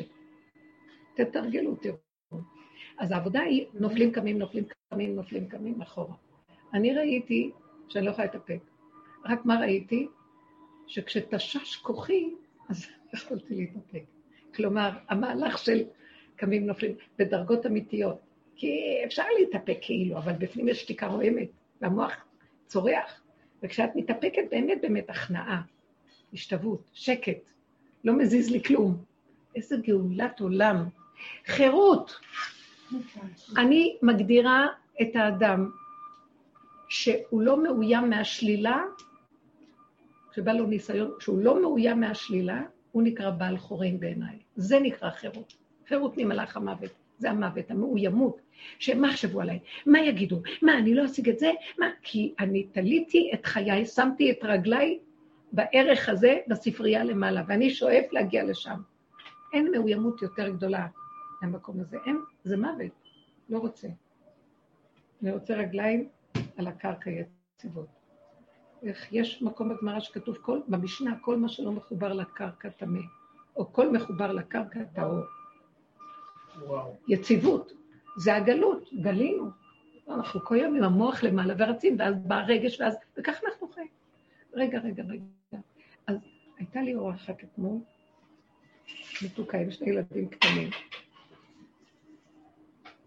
וראיתי, האישה הזאת, אה, לא היה לה אז עשר שנים ילדים, ואז ילדה שני בנים מתוקים, אחד אחרי השני. אבל ראיתי מה שהיא עושה לילדים, היא כל כך מרחמת, היא כל כך מרחמת עליהם. הקטן, לא, היו, לא, היה, לא עבר עשר דקות, רבע שעה, בלי שהוא בכה. לא חשוב מה. וכל הזמן הוא בא אליה עם הבכי. ואז היא יושבת, טוב לי, טוב. ועוד פעם ועוד פעם. ואני רואה את הדפוס הזה. מאידך הגדול, יש לו משהו של... היא, גם עושה את זה, אבל היא נותנת לו המון מחמאות. היי, אתה משהו, אתה משהו, אז הוא מתהלך לו, כאילו, משהו. עכשיו, אם האבא יגיד לו מילה, הוא לא מקשיב. היא אומרת לו משהו, מה פתאום מיד בכלל? אני משהו. אני ראיתי את זה בדקויות. וחוץ מזה שבתוואים שלו כנראה יש לו גם איזה כוחנות, תלוי גם בסוג הטבע של האדם. אז הוא מצטרף זה לזה, מה שנקרא קומבינה קטלנית. עכשיו, ההורים משתגעים. עכשיו, הם ישבו אחד ליד השני. אז הילד הזה רצה לשבת במקום איפה שהוא רצה, אז הוא הקים את האבא שהוא יזוז, כי הוא רוצה לשבת שם. אז האבא מנסה להגיד, להסתכל עליו, אז האמא ישר אומרת, רחמנות, כאילו כל השיטה של הרחמנות. אחר כך פשוט לקחתי, דיברתי איתה, אמרתי לה, תקשיבי, יש מצוות שילוח הקן. שלח את האם, תזוזי מהם, את הולכת להרוס אותם אחרי עשר שנים. אולי בגלל זה לא נתנו לך, כי פחדו מה תעשי מהילדים. הייתי חייבת להפחיד אותה. תראי, הרחמנות שלך, לי, אבל צריך לרחם, חסרי אונים, חסרי אונים. חייב להגיד, אמרתי להם, אבל הרחמים שלך זה רחמי אכזרי. אז הוא מתלבש ברחמים האלה, מתלבש, הוא מלא רחמנות עצמית נוראית. כל דבר הוא בוחר בפנים שלו, ולא מסכנות ורחמנות עצמית. אז אמרת, תראי, זה לא, אני לא מדברת אלייך, אני בדיוק כמוך, כל רגע אנחנו כאלה. תרחמי, תרחמי על עצמך. אז אמרתי לה, כל זה נובע משום שאת חיה בקצה כל הזמן להגיב להם, תראו תגובה, תראו תגובה, ולהגן עליהם. תלכי אחורה, אחורה, אחורה, תגיעי בנקודות שלך ותראי. ומצד שני ראיתי באיזה לחץ היא נמצאת. אמרת לי, אני מתפקעת מרוב לחץ. יש לנו חתונה מחר, ואני לא יודעת, עוד לא עשיתי את זה, ועד שהגעתי את הפה, ועד שסידרתי את זה, ועד שעשיתי את זה, ועד ש... כל הזמן לחץ, לחץ. אז ראיתי את הפערים האלה. מצד אחד, כל הזמן להם, והמון זמן עליהם. לא יודעת אם היא עושה משהו בבית. מצד שני, יש לה עוד המון דברים, כי היא לא הספיקה את זה, ואת זה, ואת זה, ואת זה, והיא לא יכולה. אז אמרתי, למה את לא מסתכלת פנימה כמה את לחוצה וכמה את תקועה בפנים? למה את לא לוקחת בחשבון את הנתון הזה כשאת באה לילדים? ואחרי רגע את אומרת, עוד פעם, עוד פעם הוא הגיע אליי, זה הבכיין הזה? לא עונה לו. אני אגיד לו, סליחה, לא שמעת אותך, מספיק לבכות, תתמודד לבד, תסתדר. נכון שצריך לתת תמיכה, אבל ברמה, לא אני נותן תמיכה. הנוכחות שלה, כשהיא מחוברת נכון ליסוד של עצמה נכון, הביטחון, רגליים יציבות, זה התמיכה של הילד הכי גדולה, בלי דיבורים. אישה לא צריכה לדבר יותר מדי ילדים שלו. זה שקר, כל המוסרים האלה וכל החינוכים האלה וכל העצות שאנחנו לצערי גם פה באים לשמוע, אבל לפחות כדי שכל אחד ילך ויפסיק לבוא. לא, אל תפסיקו, אני צריכה ש... כי צריכה מישהו שישמע. לא, המקום הזה של... ואז אמרתי לה, תסתכלו על עצמכם, אתם מנותקים על קודשכם, וכל הזמן מרצים, מרצים לרצות, ואיפה אתם החיבור שלכם? זה לבדה עם סדרת הילדים. אפשר, האמא צריכה לתת פה נקודה שם, משהו קטן כשהסיבה קורית לה ממש, והיא תדע מתי זה ממש, כי בגבול שלה, היא מכבדת את המשבצת שלה, והיא לא משיגה גבול. זה כל כך יפה, הנה, מצוות התורה הן דקות, דקות, דקות. כשאנחנו עובדים בדרך הזאת, התורה נראה, יותר אוהבים אותה, יותר נכנסים למתיקות ו... ומבינים מה זה שאם תעזבי אותה רגע, אין לה חיים. כי זה הקיום שלך. אבל אנחנו חיים איתה במוח, ואז זה הופך להיות עול ומעמסה, זאת אומרת, טוב, נטטט את המצווה ונעשה קצת כאן אינטרס, כאן איזה משהו, כי אני צריכה קצת לעזור לעצמי. ולא מקיים מזה. איפה מה? את הגבול, כל כך עיוותתי אותו, כל כך כבר הכרחתי אותו, איך היום אני יודעת שהוא מבד, הוא מוגדל. המוח צריך להיות על הבשר, המוח שלנו צריך להיות פה ולא שם. ואת מרגישה את המצוקה, את מרגישה את הלא נוח, מרגישה את ההתנגדות, אה, כוח ההתנגדות. אני ראיתי תקופה, כוח המנגד שבא מולי, הוא אומר לי, עצור. הכנעה. לא, זה טיפש, אמר לי. מה, אני אקשיב לו? מה, אני אכנה לכל טיפש? את לא נכנעת לטיפש. את נכנעת לסימן שהשם מסובב דרכו ותופסת את הנקודה שלך. זה קול קורא. כשאנחנו נגיע למקום הזה, לא לדחוק, מה שנקרא, כל מי שדוחק את השעה, השעה דוחקתו. לא לדחוק את השעה, לא לדחוף, ללכת יותר, זה כאילו כשאני הולכת יותר, אני שמה לב למצב שלי, מה מצבי? מצבנו משקר הרבה פעמים, אני גם לא יכולה לסמוך על עצמי, כי אנחנו לא מאוזנים לחלוטין. אבל לפחות לעצירה לרגע, כמו בסיפור שלה. היא עוצרת. היא רואה, היא לא יכולה, אז היא הלכה. זה עצה שאני תמיד אומרת, תצאו מהחדר, תעשו, אל, אל תעמדו, כי אתם תענו. תגיבו, לא להגיב. מאוד חשוב העניין הזה של האיפוק, והיכולת להכיל, כדי שאפשר יהיה לפתוח ולראות את הדבר. זה לא יכול להיות על המקום. ונניח שלא יכולנו. אז אחרי, אם לא לפני, אז אחרי, אני השם לא שניתי. תמיד יש, אין זמן כזה, זה רק נדמה. אז לא יכול, אדם לא יכול. מפעם לפעם יש איזו התאמנות והדרך חודרת לתוך הבשר של הבן אדם, והוא מתחיל לראות. ויש משהו שבא לקראתו, שעוזר לו, כאילו מרחם עליו, כאילו השכינה עוטפת אותו, והוא אומר, השכינה היא בתוך האדם, לילד יש שכינה שלו, לך יש שכינה שלה. היא אומרת, אבל את, למה שתפסידי אותי, אני מפסידה אותך, את מפסידה אותי, את דורכת עליי עם העצבים שלך, ואת מפסידה אותי, בואי. ועצם זה שהיא עוטפת אותי, מרגיע אותי, כבר הצד השני יש בו זה כבר עוזר לסובב. קודם כל, דבר ראשון שזה עוזר לסובב. שגאלת אותם מעצמך. אנחנו יותר מדי בחוץ, אנחנו שלטנים על השטח. מדי אנחנו שולטים בשטח, מראים נוכחות יתרה. ואז אף אחד לא יכול לחיות, אנחנו חושבים שאני אימא, זה התפקיד. אין איזון בכלום, הכל גנוב. וכשהבן אדם יותר באיפוק, הוא יודע מתי נדרש ממנו האימהות. יש מקום לאימהות. מישהי באה אליי עם תינוק של חודשיים. והיא אמרתי, אני לא יכולה לחיות, אין רגע שהוא מניח לי. אז אמרתי לה, ככה, דיברתי איתה קצת וראיתי, רואים, רואים על הבית. אמרתי לה, תשמעי, מהרגע שהוא נולד, כל רגע את חרדה אליו. הוא עוד לא עושה איזה קול, אתה שר לידו, הוא קולט, הם לא כל כך רגשים. אז הוא תפס את הדפוס. ואז זה מין גירוי תגובה, גירוי תגובה, גירוי תגובה, אז את תקעת אותו בפלונטר שאת יצרת אותו. תלמדי לעשות שריר. משריר, לא לגשת. הוא אכל, קיבל מה שצריך, תלכי את לכיוון שלך, תתעלמי. לפעמים זה מעבר, לא, כל כך קטן, מהיום הראשון, הכל טוב. צריך לדעת, יש, יש מקום שאת רואה, יש מקום שזה לא נגמר, שיגעון. דעו לכם שבלי מידת ה... סליחה, אני קוראת לזה, זה המידה, זה המילה באכזריות. אכזר. למה אני צריך להיות אכזר? כי כל המרחם על האכזרי, סופו להתאכזר על הרחמן. כי תודעת עץ הדת מתאכזרת אלינו והרגה אותנו, ואנחנו לא חיים. תתאכזרו אליה, אל תאמינו. אל תאמן בעצמך עד יום מותך. משקרת לנו. אז לאט לאט את מתחילה להכיר. את אומרת דבר נכון, שיש מצב ש... אבל האיפוק וההכלה וההתבוננות והדיבור עם השם נותן איזה מקום. ולאט לאט למדתי, אבל ברמה, תקשיבו רגע, אם אנחנו הולכות ללדת, יש לנו את מידת האכזריות. גברים אין להם. אולי יש להם, אני לא יודעת.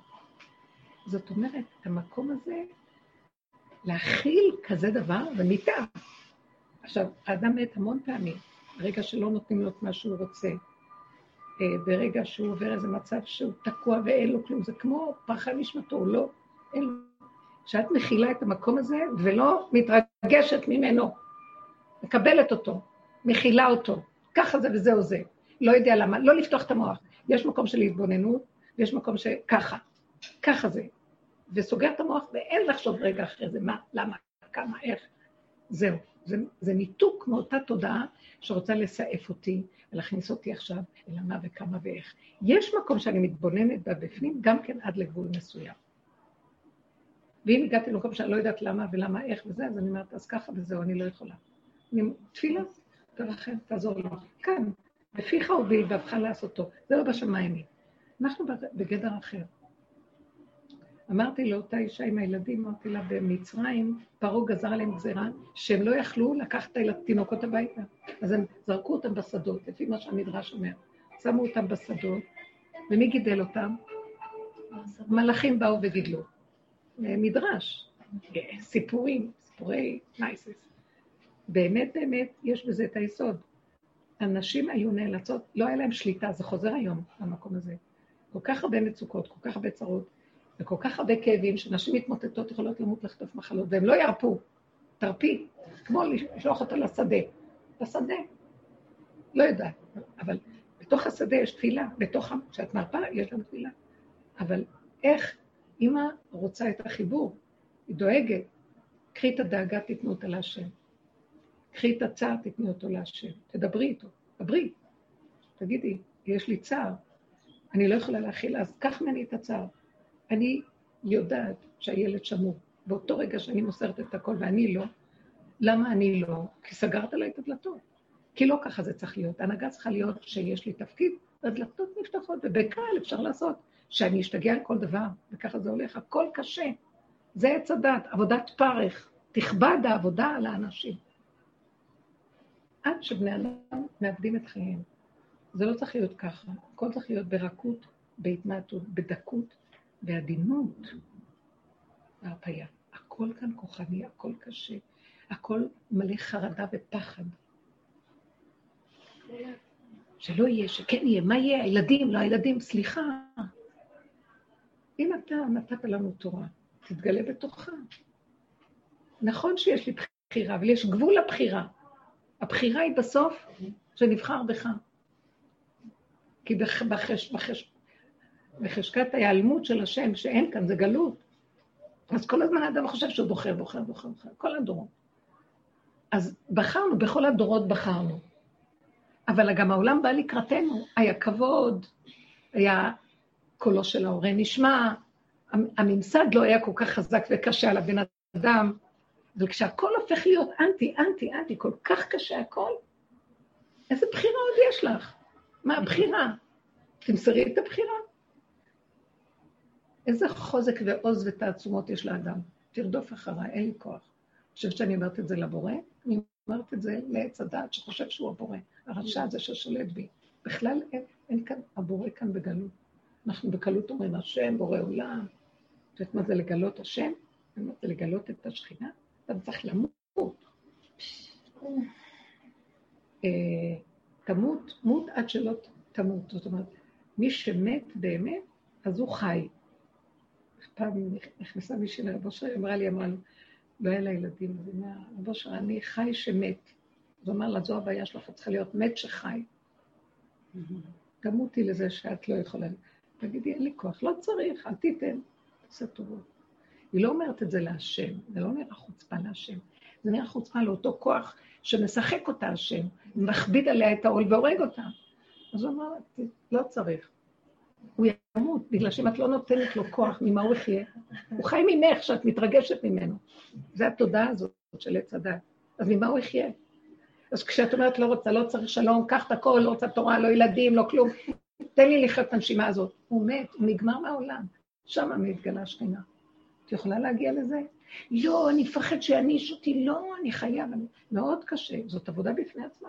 לשחרר את הכוח של החרדה הזאת, זה חרדה לא נכונה. אשרי אדם מפחד תמיד, רב אושר היה מפרש את זה, מה שאמר משלי, אשרי אדם מפחד, שמא הוא יפחד. שמא הוא יפחד מהפחד, והוא לא יפחד לאבד את השכינה. מבינים? אני מפחד, אשרי אדם מפחד תמיד לאבד את השכינה, כי אני נותן לו את הכוח, לא לה. זה החיים. מה הפסוק? לא הבנתי. אשרי אדם מפחד תמיד. אז טוב שאדם מפחד תמיד, לא? זה משלי אומר. אז רבו שרי אומר, אתה צריך לפחד שמא אתה תעשה... בגלל הפחד החיצוני מהשם שיושב לך למעלה, אתה תאבד את הפחד מהשכינה, את השכינה באמת תפחד שלא תאבד את הקשר איתה, כי ברגע שאתה מפחד מהדמיונות שלך, אז אתה מאבד את הקשר איתה, על זה תפחד. ועוד דבר יפה, מרגלה בפומש, הוא היה אומר, הלא כתוב בקהלת, כי טוב לכלב החי מן האריה המת. משהו כזה. אז הוא היה אומר, משלי אומר, קהלת אומר, כי טוב לכלב, יותר טוב הכלב החי מאשר אריה שמת, אריה שמת, מה יש לו ממנו? אז הוא אומר, זה שחושב את עצמו פחות מכלב חי, פחות, פחות מכלב מת, הוא-הוא האריה החי. שלא נותן, שלקח את תודעת עץ הדת ורואה אותה ככלב שרודפת אחריו, ככלב שישב על קיאו, ולא נותן לה כוח, לא נותן לה, לא מתרגש ממנה. היא תגיד לו, אתה משוגע, תראה מה אתה עושה, הילדים לא קמים. לא מקשיב לה. פונה להשם, אומר, ריבונו שלום, רק אתה יכול לעזור לי, אל תיתן לי ליפול בזה. ככל שהוא עובד ככה, שכינה קמה והיא מעיפה את... זה דמיון, והתבוננת על מקומו בעינינו, זה מחיית עמלק. זה המחיה. קחי מקליט, תלכי. הוא לא קיים. הוא יונק מאיתנו, הוא יונק. מאיפה הוא יונק את הכוח? הלוא הוא דמיון. אנחנו מגשימים אותו דרך המציאות שלנו, במקום להקים שכינה. זו המלחמה התמידית על הכדור. הגיע הזמן להתעורר ולעשות עבודה שם. אנחנו, בדברים הקטנים שלנו. זה נשמע רעיונות גבוהים, אבל זה בתוך הכלים שלנו כאימהות, כנשים, כחיי יום-יום ברגע הזה. זה לא חשוב. איך אומר אה, תנא דבי אליהו, מעלה אני עליכם הכתוב, עבד או שפחה, איש או אישה עבד או שפחה, כל אחד כפי מעשיו רוח הקודש רואה עליו, או כפי תלמודו, כפי מעשיו. כשהוא מגיע לנקודה הזאת, שהוא נותן במידות נקודת טיפול. כי בלי המידות, בדקויות, בנכונות הפנימית, גם התורה לא מציאות. הגאון מבין אומר, אם, אם לא מידות תורה, למה לי? כי זה הדקות הזאת, כי כל הלוחות הראשונים זה תורת המידות, ככה הוא קורא לזה. שזה היה מדידה דקה של כל דבר. עכשיו שאנחנו לא יודעים, אז התרבו הלכות וכל כך הרבה והרבה והרבה והרבה, וכמה מפחדים, והמוח מסועף, אז הולכים לעוד ועוד ועוד ועוד ועוד.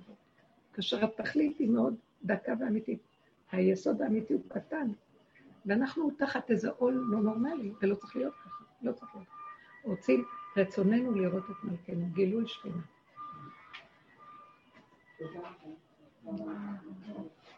אז עכשיו, רגע, רגע, לפני שאת פותחת את הדלת מה תפסת מהנקודה? שתחזרי לעצמך. אה? שילוח הקן. יפה. בפנים, שילוח הקן, אבל בפ... את יכולה, תיכנסי פנימה ותגידי את זה להשם, אני לא יכולה, זה קשה. העולם בחוץ, זה אנחנו דורות מקולקלים כבר. תרחם עליה ותתגלה. טיפחת של גילוי שלך מיישר את כל ההדורים. תעזור לי. אני לא רוצה לתת למוח הזה לשגע אותי ולא לרגש להסיר אותי. תתגלה ותרחם עליה, מסרתי לך את החיים שלי. תתגלה עליי. ברחמים. איך אני אדע שהתגלית, שהדלתות פתוחות והכל חלק, אני רוצה חיים טובים. ככה אנחנו צריכים לבקש. ולהודות לך על החיים הטובים, מה דעתך? זהו, עבודה הפנימית הזאת. יופי, נהדר. יישר כוח, שירה, יישר כוח. תצליחי. אמן. מעניין כמה. איך? כל הדברים שאמרת עכשיו קשרו לי לחוש הראייה, שבעצם עצימת העיניים עד שנראה את הקדוש ברוך הוא. יש איזה עניין באמת, כמו שאמרת לי, עשה אל בעינייך. תתחילי ללכת לדמיונות, בבקשה. זה דמיונות. אנחנו לא יכולים לראות. מה, מה, אם לא, נעצום אני את העיניים יכולה- נראה אותו, אנחנו לא, יכולים רק... עד שנראה שאנחנו רוצים לראות את גילוי שכינה. מה זה לראות גילוי שכינה? דלתות פתוחות, אל תלכי לדמיונות. לא יודעים. אנחנו רואים, אין לי מעקשים בדרך, תודה רבה אבא. גם היה לי מחשבה. גם הנחש עפר לחמו, אין לו מעקשים. את רוצה להיות נחש? אמרתי לו, הוא חי חיים טובים. אמרתי, אמרתי למחשבה שאתה, הוא חי חיים טובים, אני לא רוצה להיות נחש, אני עושה ככה. למה שאני אחיה כל הזמן עם סבל? נמאס, מסרתי לך את כוח הבחירה. אין אדם שבוחר יותר ממה שאנחנו. מה, כל כך הרבה אנחנו נאבקים כל דבר. למה שהוא ישב עפר לחמו ואנחנו ככה? לא רוצה עפר לחמו, אני רוצה בקלות. בקלות. עד אלינו בכבוד, בקלות. נמאס כבר מעמל והיגיעה, תתגלה עלינו. די. הוא מחכה לשמוע את הדיבורים האלה. אנחנו אה, שפוטים של תודעה של עמל, יגיעה, גרמניות, הר בית. כאילו, תעבדו, הכל קשה, הכל... כן, הבית. הר הבית, הר הבית. אנחנו גם שפוטים של תודעה שאסור לנו להגיד את זה אליו. גם זה התודעה אומרת. נכון, לא, אל תגיד. כי הוא יושב שם ואומר, ודווקא כן, אה, חוצפה כלפי שמיא מהניה מועילה. זה לא חוצפה. זה הבן אדם תקוע עד הגבול, ובא יושב, הוא במצוקה ואומר, לא. צריך להזיז את היד ולהגיד, זו הצעקה של איוב, בסוף השם שומע אותו. כאילו, יש איזה גבול, אתה מכה ומכה ומכה ומכה, והוא צדיק ותם וישר ומה לא. בסוף הוא אומר לו, מתחיל לשאול שאלות וקושיות. אז מתגלה השם, כי הוא שואל, כי הוא מדבר, כי הוא אומר, הוא אומר את האמת שלו. במקום להגיד תן לי כוח להתגבר, תיקח את המצוקה ממני. ככה? די, כבר אין תפילות, תן לי לא כוח להתגבר. תן לי כוח. קח את המצוקה ממני, זהו. אני לא יכול, המצוקות האלה חוזרות ונשנות, כי לא נגענו בשורש. אז בצורה, אז לרגע יש לי פתרון, ואחרי זה עוד פעם טוב, ואחרי זה עוד פעם ועוד פעם ועוד פעם, ובן אדם, חיים פה נהיים גרועים, אתם יודעים, זה גן עדן עלי אדמות פה, תסתכלו, כל כך יפה הכל, מה חסר? שיא השפע, שיא הברכה, משו, תודעה משוגעת, גורמת, גונבת אותנו, גוזלת אותנו, ממיתה אותנו, מקימה אותנו, מחרת עוד פעם מחיה אותנו, משמינה אותנו כדי לבלוע אותנו אחר כך כמו המכשפה. זה, זה לא חיים, למה? למה? יש ילדים, בית, אנשים מתגרשים, אה, מבריחים את הילדים למוסדות, למה? הכל כל כך יפה ופשוט. אל תתערבי, אל תתערבי, אל תפריעי. אל תפריעי, הכל עובד מאליו, הכל בסדר. לא להגיד, לא כלום. לא, החרדה הזאת על הילדים, על, לענות, זה זוגיות, אותו דבר. מה זה הזוגיות הדבילית הזאת? אז השם אמר שלא טוב להיות אדם לבדו, בסדר, יש לזה, זה דבר יפה. חוץ מזה, כשמתחתנים איש ואישה, כל אחד נשאר לבד. לכל אחד, ויש רגעים שהשכינה של כל אחד מחברת אותם, יש מצבים, זה הפך להיות הכל מוח. אתם מבינים? יש מצבים. אז כל אחד צריך לסדר לעצמו מלכות בתוך הבית, ואין מלכות נוגעת בחברתה. ואז אדם יהיה שמח. לא, זה משתלט על זה, וההוא דוחק את רגליו של זה, וזה מתהפך להיות, והחיים אינם חיים, ואז יש מלחמות מידיות, ואז יש כל הזמן, אז בוא נגיד ככה, יש כאלה שמתחמנים כל מיני הנהגות של גנבת דעת, כדי לקבל משהו מהשני, רמאות, שקר, אין, אז אדם נמאס לו בסוף. אם האדם יהיה עם המוח שלו לעצמו, ועסוק עם מה שהוא צריך, וזה עם עצמו, ועסוק עם כל אחד התפקידים שלו, מה שהוא צריך. וזה הזמן הנקודה של השכינה של עצמו. יש משהו שמחבר ביניהם, ממאמר הכתוב. זהו. אחר כך עוד פעם, יש רגעים כאלה יפים, יש את הבית. שכינה ביניהם. זוכים, יש כאן איזושהי שכינה נכנסת. אז מה זה שאיש ואישה זכו? כל אחד הולך למקום שלו. הם זכו מלשון אה, זך. הפסיקו עם המוח הזה, המוח הזה משקר, מרמה, גונב, כל הזמן. הוא חושב, הוא זה, והוא יודע המון, הוא מבין המון, והוא משיג המון, ויש מלא ספרים וזה. אז גמרו את הספריות. יש ספרים שיגיעו עד אלינו, יש נקודה. משהו קטן שיש בו בסיס טוב, זה שווה הרבה הרבה ספרים. כל מבולבל פה. משוגע, משוגע. הפכו את הנשים לגברים ואת הגברים לנשים, הכל. זה כל התודעה הזאת. זה משוגע. ואחר כך תגדל הצעקה, כמו שהיה במצרים. אז תצעקו, כדי ויצעקו אל שבתם, שבתם אל האלוקים. הצעקה חשובה מאוד, כי הצעקה היא לא שהשם לא יודע, על גבול ש... מה זה וידע השם, בהקשר של וישמע השם? מה זה שהם צעקו? והשכינה בתוכם צעקה. צעק ליבם אל השם. ואז ההוויה ירדה. השם רק שם על ההוויה, ההוויה שם את הכוח על השכינה. ייחוד קודש אבריחו שכינתה, זה נקרא ככה. אז זאת אומרת, האדנות שלנו, הכוח, התוואים, היסודות, זה הכל גילוי שכינה בפנים. כשאנחנו מגיעים עד לגבול שלנו וצועקים, היא הצועקת מהפה שלנו, ואנחנו לא מפריעים לה. כי הרבה פעמים אנחנו, היא צועקת, אנחנו לא שומעים. אנחנו צועקים ואחר כך רוצים לסדר לעצמנו פתרונות. כי אנחנו יודעים כבר מה צריך לעשות. וקוראים לזה גם השם. לא.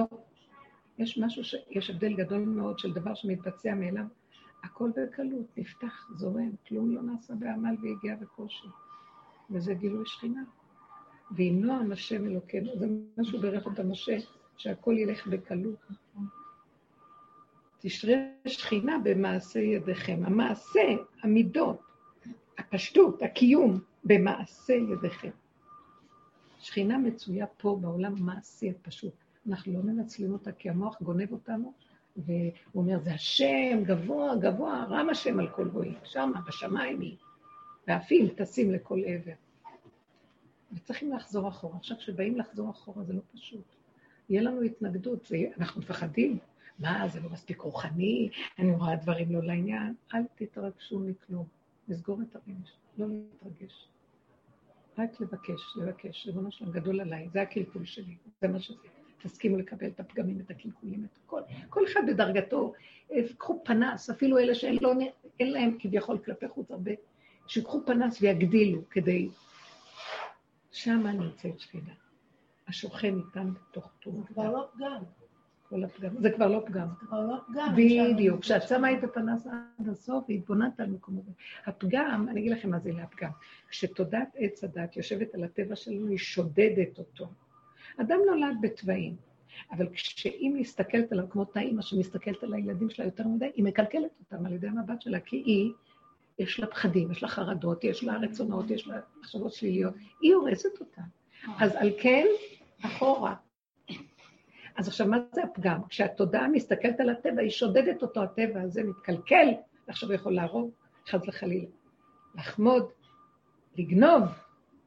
אם זה ברמה חיצונית, אז גניבת דעת, גניבת רגש, הכל מתקלקל. כל העבודה שלנו פשוט לזוז, כי אנחנו מקלקלים. התודעה הזאת. עכשיו, מה זה, זה נקרא פגם, שהתודעה יושבת על הטבע והוא מקולקל.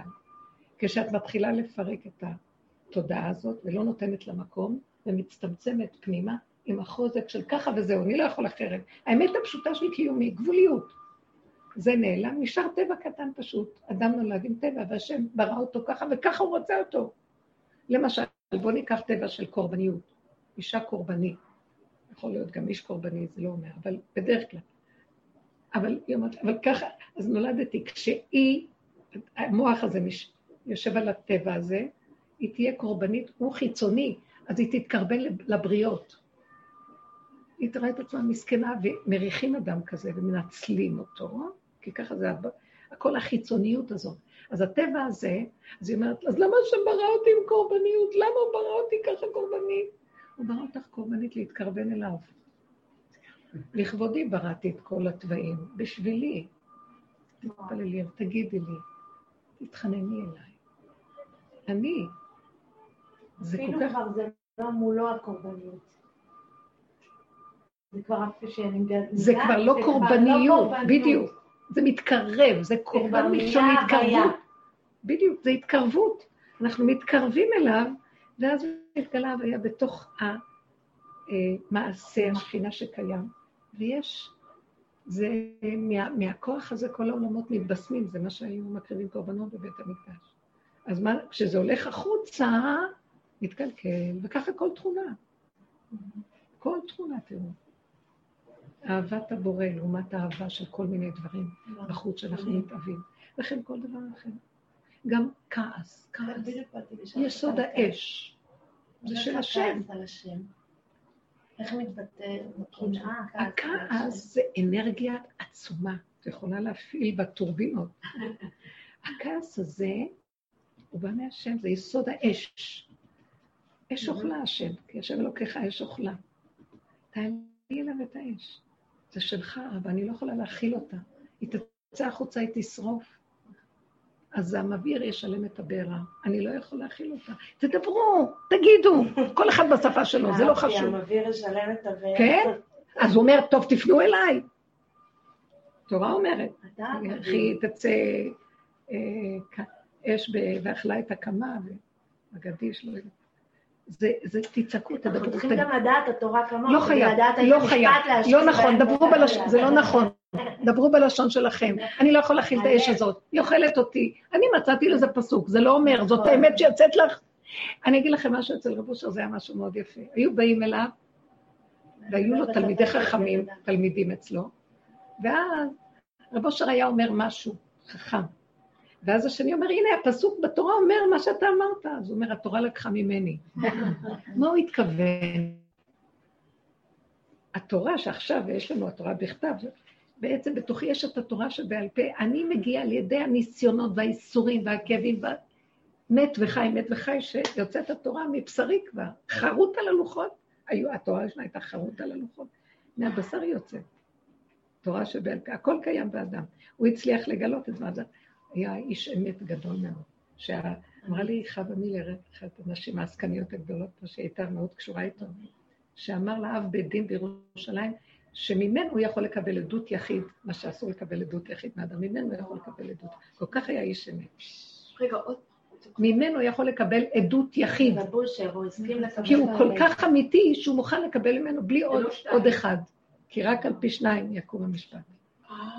כי הוא היה, כי ומאיפה האמת הזאת באה לו מהבשר אבל הוא שלו? אמר שהגאולה תצא מהבית שלו. אז איפה היא ואיפה הוא? הנה, הנה, זה. הבית שלו, מה שאנחנו פה לומדים. יושבת על הקירות. חושבת על משיח. לא, לא, שלו. אבל הוא אמר שזה יגיע כאשר הבן אדם יגיע למקום, ותראו, זה הדיבור שאנחנו מדברים, בהרבה שיעורים דיברנו על הנקודה הזאת, שראתה שפחה על הים מה שלא ראה יחזקאל בן בוזי הכהן. מה הכוונה? שהבן אדם יחזיק את עצמו שהוא פחות משפחה.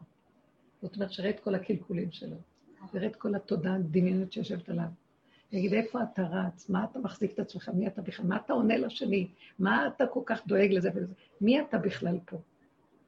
אז אה, שפחה על הים, נפתחו לה שערים כאלה, אז אני, היא הייתה שפחה, אבל אנחנו יכולים להגיע למדרגה שאפילו, אני אתבייש להרים את ראשי, כי מי בכלל יכול כאן לעשות משהו? כמה גאווה וישות יש כאן בעולם. אז כשנהיה בדרגה הזאת, אז ייפתחו כל, אבל מבפנים זה ייפתח. צמח דוד עבדך תצמיח. כוח הצומח של היסוד של ה... אני, אני רואה שמה ש... שהכוונה בגמרא, שלעולם יכיר אדם שבט... שקדוש שרוי בתוך מאיו, אולי זה הלשון, לעולם יכיר אדם שק... שקדוש שרוי בתוך מאיו, שמלמטה, בכוח הצומח הזה, תתחיל הגאולה של האדם. אז אי אפשר לצפות, לסגור, לסגור. עשינו הרבה, עשו הרבה תיקונים, כל החכמים וגדולי העולם, ביררו בעץ הדת בתורה, שקלה וטריה, והפלפול כנגד הפלפול של הסבך של הזמן, עשו המון. אבל אנחנו אנשים לקראת הסוף, או אלה של אנשי הנפש, יש גם זכרים שהם בעלי נפש, נוקבה מבחינה הזאת, ירדו ויעשו את העבודות האלה, שיחזקו את נקודת הלב, זה המקום שירים את ה... עשו הרבה עבודות, נגמר. יותר מגדולי תורה שהיו בעולם, אני לא יודעת היו, יותר מהמוח החריף הזה לברר בתוך עץ הדת את השכל וההלכה הברורה וכו'. אבל היום אנחנו צריכים את הכוח הזה, וזה תלוי בנו בעבודה שלנו. הלוואי ונזכה. זה תלוי בעבודה שלנו. אבל עכשיו תיתנו, זו נקודה, לא דיברנו על התרגילים, בדרך כלל מדברים באופן יותר מעשי. אז נתתי קצת יותר יסוד ההשקפה של הדרך, אבל באמת, בעבודה הפנימית, איפה שיש טיפת התנגדות, תעצרו. אז נראה לך, וואי, אבל צריך להגיד לילד מילה או משהו, יש דרך ארוכה שהיא קצרה וקצרה שהיא ארוכה. אז את חושבת, אם תגידי, גמרת הסיפור, אני איתה דרך ארוכה. ולך שאת אומרת, טוב, עכשיו אני אעצור, אז זה דרך ארוכה עד שזה, ועד שאני אעשה חשבון שאני צריכה להגיד לילד משהו, תמתיני. לא נ- נעדר מאומה. רגע אחד. ואת תראי יוצא משהו. זה כל כך יפה. תמתיני, תמתינו, אין כאן סבלנות בתודעת עץ הדת, אנחנו הורסים. אם היינו רק רגע מחכים, דברים היו נראים אחרת. אין סבלנות. תלמדו להמתין. במה נשים זכיין שממתינות. טוב, תודה רבה. תודה רבה.